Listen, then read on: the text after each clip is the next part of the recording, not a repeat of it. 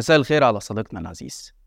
من ساعة ما وصل الرئيس الراحل جمال عبد الناصر للحكم وحتى وقتنا الحالي والنظام العسكري في مصر دايما كان حريص إنه يحسن صورة الجيش عند الشعب ويصور الالتحاق بيه إنه شرف محظوظ اللي يوصل له وإن الناس اللي بتهرب من التجنيد دي يا إما ما عندهاش وطنية ومش بيحبوا البلد يا إما عيال فرافير والجيش هو اللي بيعلمهم الرجولة. وده مثلا هتلاقيه واضح من أيام سلسلة أفلام إسماعيل ياسين اللي بيظهر في بدايتها بدور الجبان اللي بيخاف من خياله ولما يدخل الجيش يبقى شخص شجاع وقادر على مواجهة الشرير محمود المليجي ويديله علقة محترمة. وهكذا من الخمسينيات والجيش دايما محافظ على صورته في السينما وعلى الشاشات قصاد الشعب. لدرجة إنك مثلا ممكن تلاقي ضابط شرطة فاسد في مسلسلات كتير لكن مستحيل تلاقي ضابط جيش فاسد أو حرامي أو مرتشي في الأفلام والمسلسلات.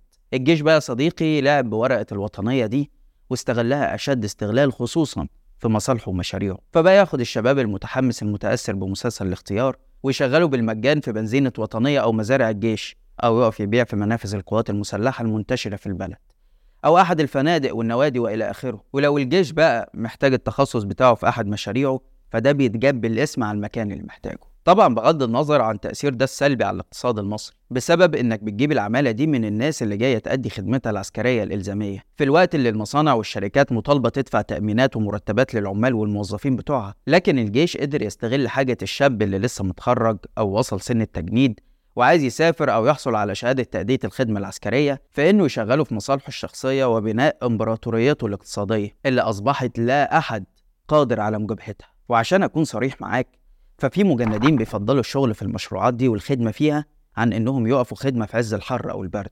وهي سنة ولا اتنين ولا تلاتة بالكتير والفترة تعدي وأرجع تاني أشوف مصالحي. لحد من يومين كده حكومة السيسي عملت نظام جديد خالص بقى وده بعد ما الخارجية أعلنت عن مبادرة لتسوية المواقف التجنيدية للمصريين في الخارج بداية من سن 19 لحد 30 سنة. بشرط سداد مبلغ 5000 دولار أو يورو في بنك مصر فرع أبو ظبي حصرا إيه بقى حكاية القانون ده؟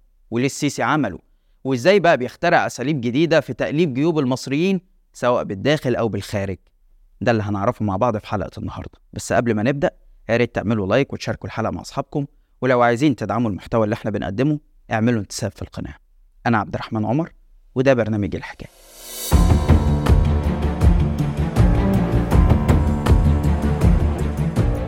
هتدفع؟ هتدفع؟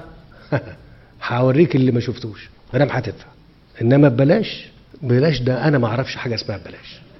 أنا بكلمكم بجد. أهلا بيكم. هتدفع هوريك اللي عمرك ما شفته. حتى لو كنت فاسد وعليك قضايا. هتدفع هديك عفو رئاسي وخليك تعيش في أمان. هتدفع بالدولار بقى؟ هديك إعفاء من التجنيد وهألف لك قانون مخصوص. وهستثنيك من قطع الكهرباء لو أنت سايح بتقضي الأجازة في العلمين ولا شرم الشيخ. أنا ما عنديش مشكلة حتى بيع لك أصول البلد وجذورها. ما دام هتدفع كويس لكن لو أنت مواطن مصري غلبان ومش قادر تدفع سامحني بقى. هقطع عنك الكهرباء عشان أوفر الغاز لأوروبا اللي هتدفع أكتر وبالدولار كمان وهسيبك تسيح في الحر. طالما مش قادر تدفع فأنا كمان مش قادر أديك. وتصبر معايا بقى كده يا غلبان على غلاء الأسعار والفشل الاقتصادي. ولو اتكلمت فأنت عارف مصيرك كويس. إحنا مش هنهزر. بقى أنا مش قادر أديك. أنت مش محتاج تقول لي هات. أنا لو أقدر أديك هديك من عيني. بس أنا مش قادر. هتاكلوا مصر يعني؟ يعني هتموتوها يعني؟ دي يا صديقنا العزيز كانت سياسة السيسي اللي عبر عنها بشكل مباشر من اليوم الأول لوصوله للسلطة. وهو الصراحة نجح في إنه يخرج الفلوس من جيوب المصريين سواء بقى بقانون التصالح على البناء المخالف اللي قدر يجمع منه 20 مليار جنيه من الهوا كده بحسب تصريحات وزارة التنمية المحلية. أو الشهادات اللي عملها في البنوك بالفوائد العالية زي قناة السويس وشهادات البنك الأهلي وبنك مصر واللي كل مرة بعد ما المصريين يحطوا فلوسهم يلاقوا في نهاية المدة إن فلوسهم قلت ما زادتش بسبب انهيار قيمة الجنيه وإنهم لو كانوا اشتروا بيها ذهب أو دولار كانت جابت أكتر. طبعا بعد ما السيسي خلص على فلوس المصريين الموجودين داخل البلد واللي ما بقتش جايبة همها بسبب انخفاض قيمة الجنيه وحاجة السيسي للعملة الأجنبية لتسديد فوائد الديون الخارجية واللي عدت بالمناسبة 165 مليار دولار في عهده بعد ما كانت 43 مليار دولار في 2013 فاضطر يستحدث طرق جديدة لجلب العملة الأجنبية دي. فلوس الفلوس الفلوس. حاضر يا فندم. آه. حاضر يا فندم. أهم حاجة في الدنيا. معاك هتقدر تعمل وتأكل وتشرب وتبني وت... ما معكش سيبها كده. حاضر يا فندم. هتسيبها إيه؟ لا يا فندم هنعمل إن شاء الله يا فندم. ما أنا بقول. هنعمل يا فندم. فين الفلوس؟ هنجيب الفلوس يا فندم.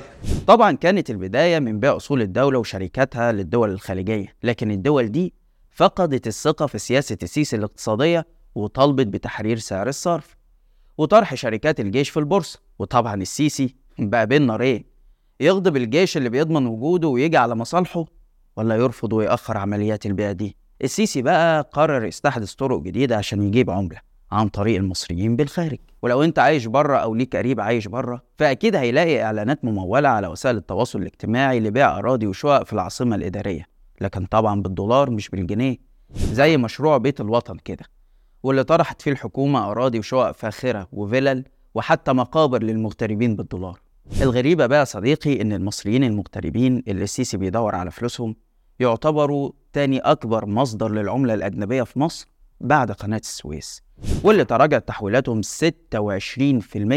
خلال آخر تسع شهور بسبب السيسي وسياساته اللي خلت بقى فيه سعرين للدولار واحد في البنوك والتاني في السوق السوداء. فبقوا ما بيبعتوش فلوسهم عن طريق البنوك بسبب الفرق ده اللي بيوصل 9 جنيه بين الرسمي والسوق السوداء. وحتى كمان لو حد حب يبعت فلوس عن طريق البنوك. فالبنك يقول لك اسف اسحب فلوسك بالعملة المحلية. أنا مش هخرج دولار. فالناس بقت تبعت فلوسها لأهلها في مصر بطريقة غير رسمية أو يدخروها بقى في البلد اللي هم عايشين فيها. أنا حاليا مسافر في دولة الكويت وطبعا أنا لما باجي ببعت فلوس أنا ببعتها عن طريق البنك. أنا عامل حساب بنكي بالدولار وحساب بالجنيه المصري. أنا ما برضاش أبعت سودا وببعت عن طريق البنوك. ودي حاجة عشان أدعم بلدي والظروف صعبة وفلوس بتمشي بطريقة قانونية. يعني ما بقاش الواحد عليه مسؤولية قانونية. حاليا البنوك في مصر بالاخص البنك الأهلي بيعمل حاجة كده يعني أنا مش عارف أوصفها. أو يتقال عليها إيه؟ أنا لما باجي ابعت فلوس من هنا أنا بزود 2 دولار على كل تحويلة أنا بحولها غير الثمن التحويلة اللي أنا ببعتها هنا يعني. ده في ثمن هنا ثمن التحويلة وغير ال 2 دولار دي بتروح كده لمصر دايركت لازم تروح للبنك اللي أنت بتبعت عليه في مصر. 2 دولار دي للبنك مش ليك أنت كعميل.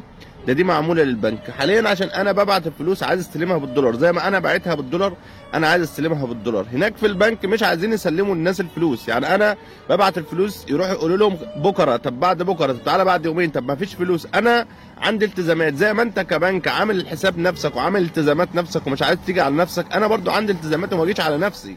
حاجة تانية السيسي بيحاول يجيب منها فلوس برضو من المغتربين وهي التبرعات.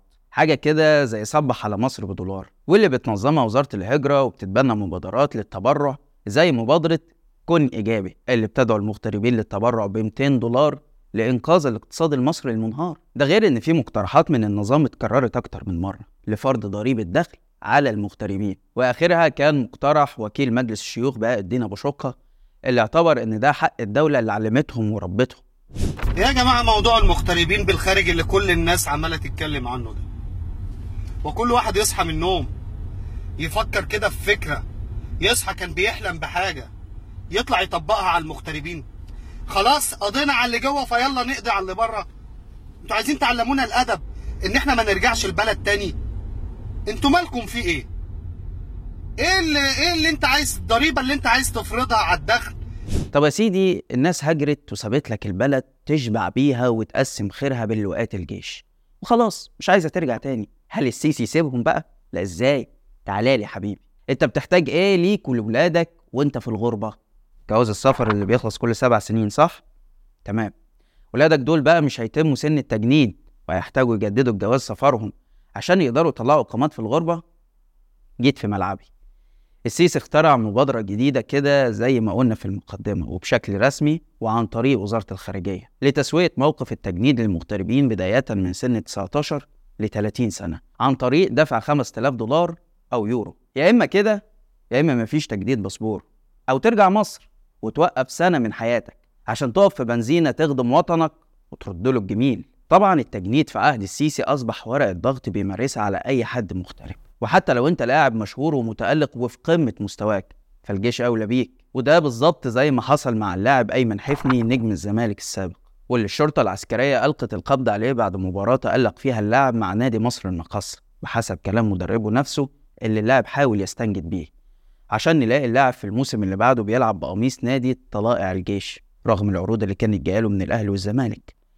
لاعب كمان وبرضه من نجوم الزمالك السابقين وهو مصطفى فتحي واللي احترف في نادي التعاون السعودي وتألق فيه عشان يرجع اجازه لمصر ويتفاجئ إنه ممنوع من السفر بحجة إنه ما أداش الخدمة العسكرية ويظهر بعدها في أحد مناطق التجنيد قبل ما يكمل الموسم في بيراميدز ويعلن نادي طلائع الجيش إنه بيفاوضه عشان يكون معاه الموسم الجاي. والله أعلم بقى هيدفع الإتاوة ولا هيلعب في نوادي الجيش.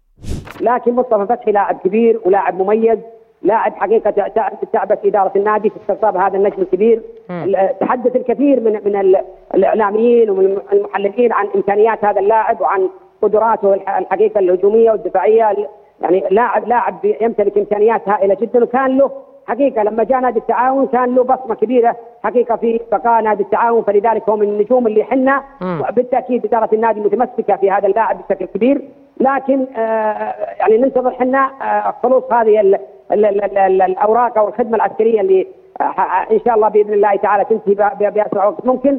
للأسف يا صديقي العزيز الجيش اللي دايما كان بيرفع شعار الخدمة العسكرية الشرف أصبح بيعرض الشرف ده للبيع مقابل 5000 دولار يعني حوالي 200 ألف جنيه. والحقيقة أنا مش هلوم على المغتربين اللي هيجروا عشان يدفعوا المبالغ دي عشان مستقبلهم ومستقبل عيالهم لا طبعا. لكن هلوم اللي بيستغل حقهم في جواز السفر اللي في معظم دول العالم ملوش علاقة بموقف التجنيد لأنه حق المواطن على الدولة. وفي الوقت اللي لو لقيت شاب أبوه لواء ولا عمه عميد في الجيش فده يا إما هياخد إعفاء من الجيش بطريقة ما يا إما هيقضي جيشه في البيت. وطبعا الواسطة في الجيش معروفة منذ قديم الأزل مش محتاج أشرحها لك يعني. الحاجة التانية اللي السيسي بيظلم فيها شباب كتير هي إنه بيستثني أو بيفصل قانون لناس معينة. يعني لو أنت مغترب وقادر تدفع فهعفيك طب بالنسبة للشباب اللي مش قادر يدفع المبلغ ده أو للشباب اللي مش عايز يعطل مستقبله خصوصا زي ما قلنا إن الجيش مش في حالة حرب.